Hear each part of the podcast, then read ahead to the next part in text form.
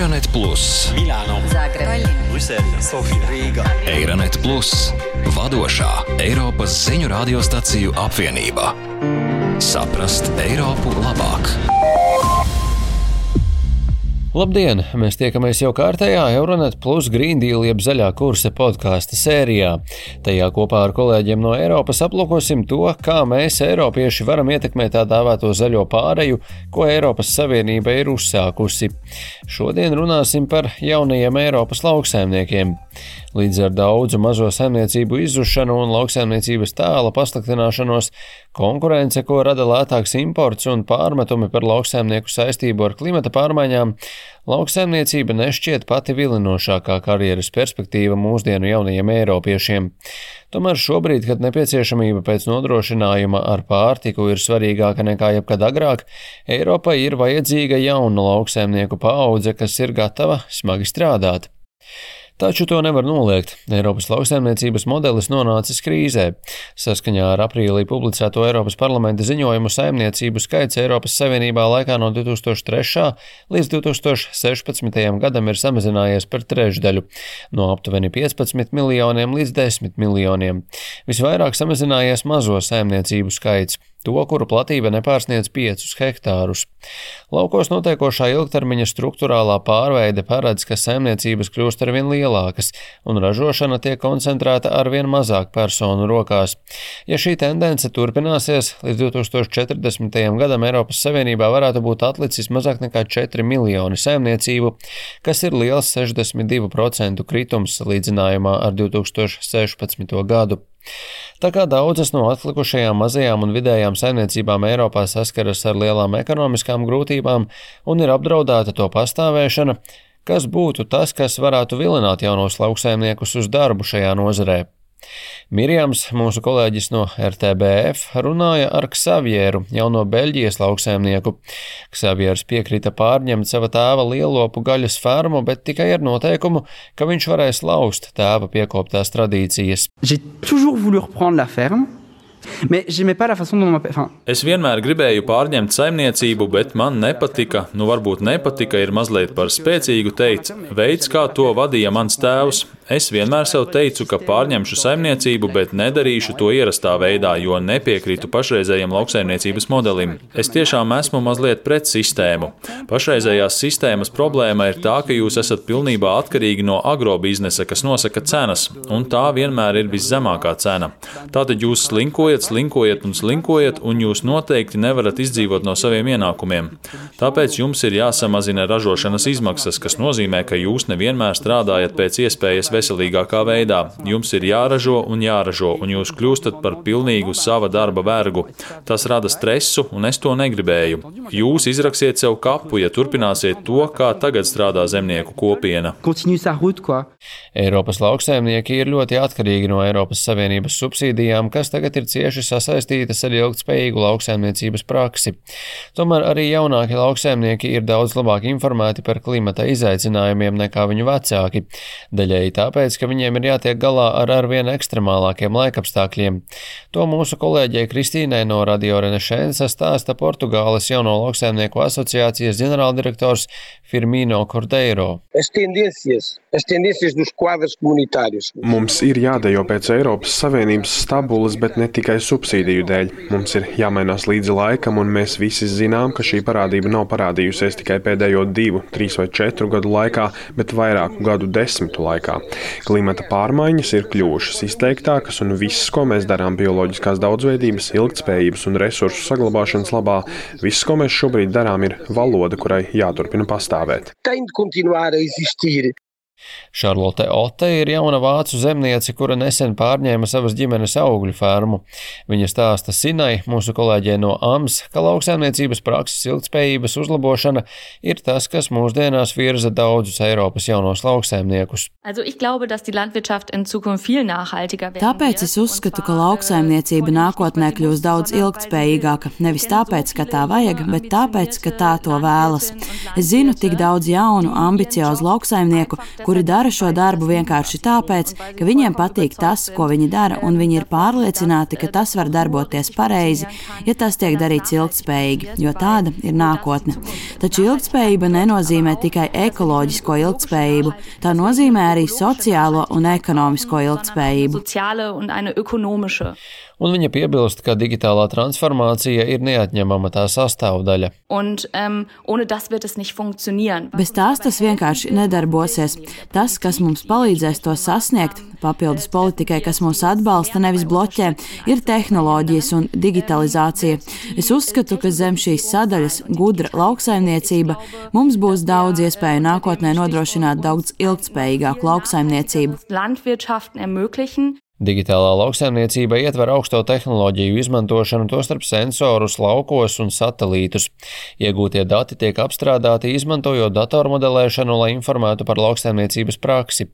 Dažas vecākās paaudzes šīs lauksaimniecības metodes uzskata par jaunām, taču tās tiek popularizētas kā risinājums rūpnieciskās lauksaimniecības pārmērībām. To mērķis ir piemēram ierobežot pesticīdu lietošanu un vairāk automatizēt saimniecības.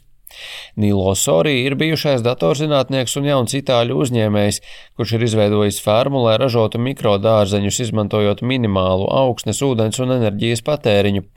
Pagājušajā gadā Nilo uzņēmums ieguva vienu no Itālijas tā sauktajiem zaļajiem Oskariem, kas novērtē inovācijas, kas aizsargā klimatu, cīnās ar atkritumiem un rada darba vietas. Viņš stāsta mūsu kolēģiem no Radio 24, ka neviens sevi cienošs nākotnes zemnieks nevar atļauties ignorēt tehnoloģisko progresu. Per quanto mi riguarda, sono molto positivo.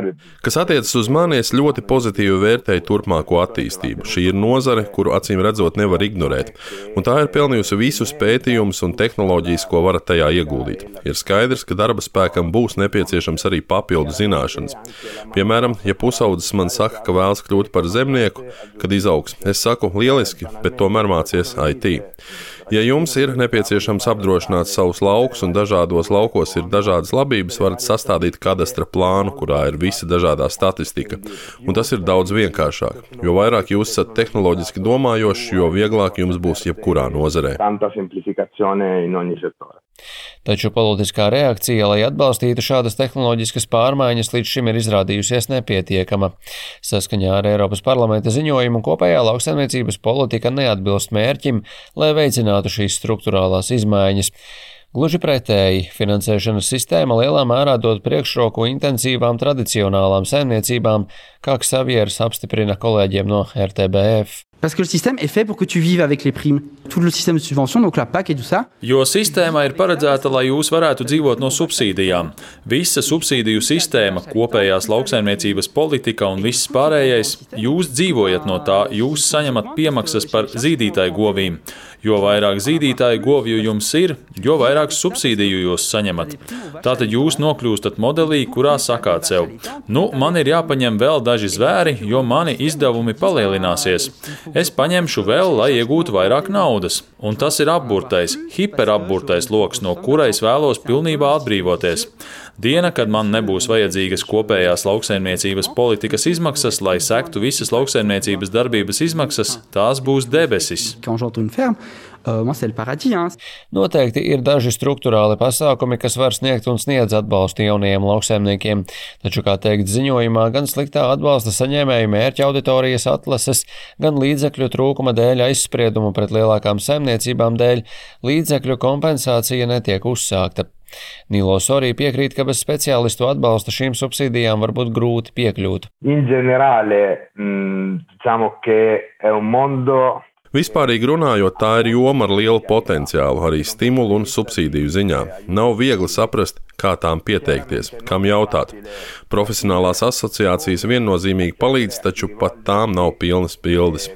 Piemēram, ir finansējuma plūsmas lauksaimniecībai, taču jūs varat arī pieteikties finansējumam, kas paredzēts jaunu uzņēmumiem vai inovatīviem uzņēmumiem.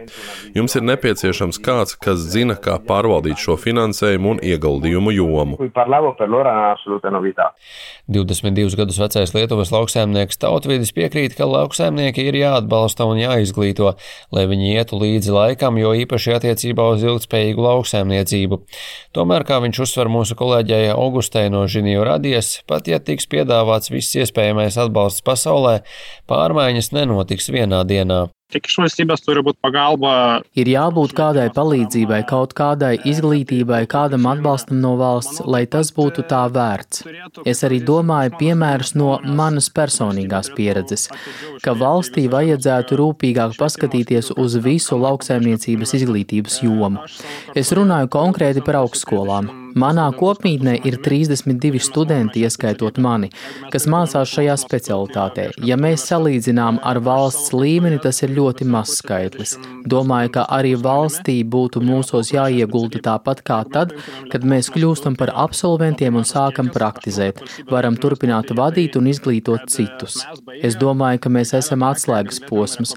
Katrs mazākais solis palīdz. Ideja, ka mēs varam vienkārši uzcist knipi un teikt, ka no nākamā gada mēs kļūsim zaļi, es domāju, ka tas būtībā nav iespējams.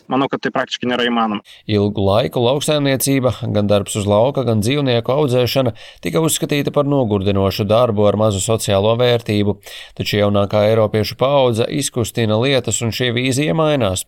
Daudziem jauniešiem lauksaimniecības nozare piedāvā iespēju atgriezties pie vienkāršākas, veselīgākas dzīves, tuvināties dabai un izvairīties no biroja spiediena.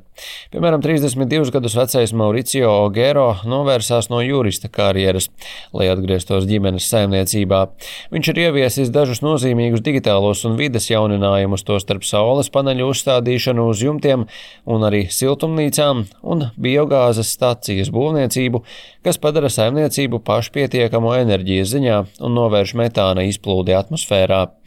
Tāpat kā viņa tautietis Nilo Sorī, Mauricio par saviem pūliņiem saņēmis zaļo Oskaru, un viņš stāsta kolēģiem no Radio 24, ka neskatoties uz garajām stundām, lauksaimniecībai vairs nav jābūt tikai kā darbam bez rotaļām fatto che l'agricoltore passi più ore in campo che Tas, ka lauksaimnieks vairāk laika pavada darbā un viņam ir zemāka dzīves kvalitāte nekā nodarbinātajiem, nebija noliedzams līdz mūsu vecāku paudzei.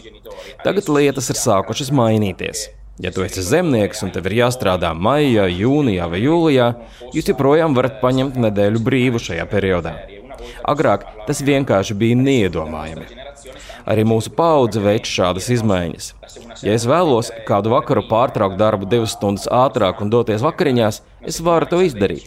Ir notikušas izmaiņas, un ne tikai tāpēc, ka man ir vairāk naudas iztikai. Tagad es varu tērēt savu naudu ne tikai biznesa, lauku iegādēji, bet arī labākam dzīvesveidam. Tas joprojām ir smags darbs.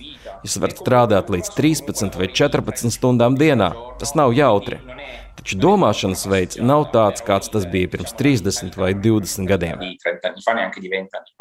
Tātad, ja daudzi mūsdienu balto apaklīšu darbinieki piedzīvo stresu un izdegšanu, stundām ilgi sēžot pie datora ekrāna, vai dzīve lauksaimniecībā var piedāvāt veselīgāku, līdzsvarotāku alternatīvu 21. gadsimtā?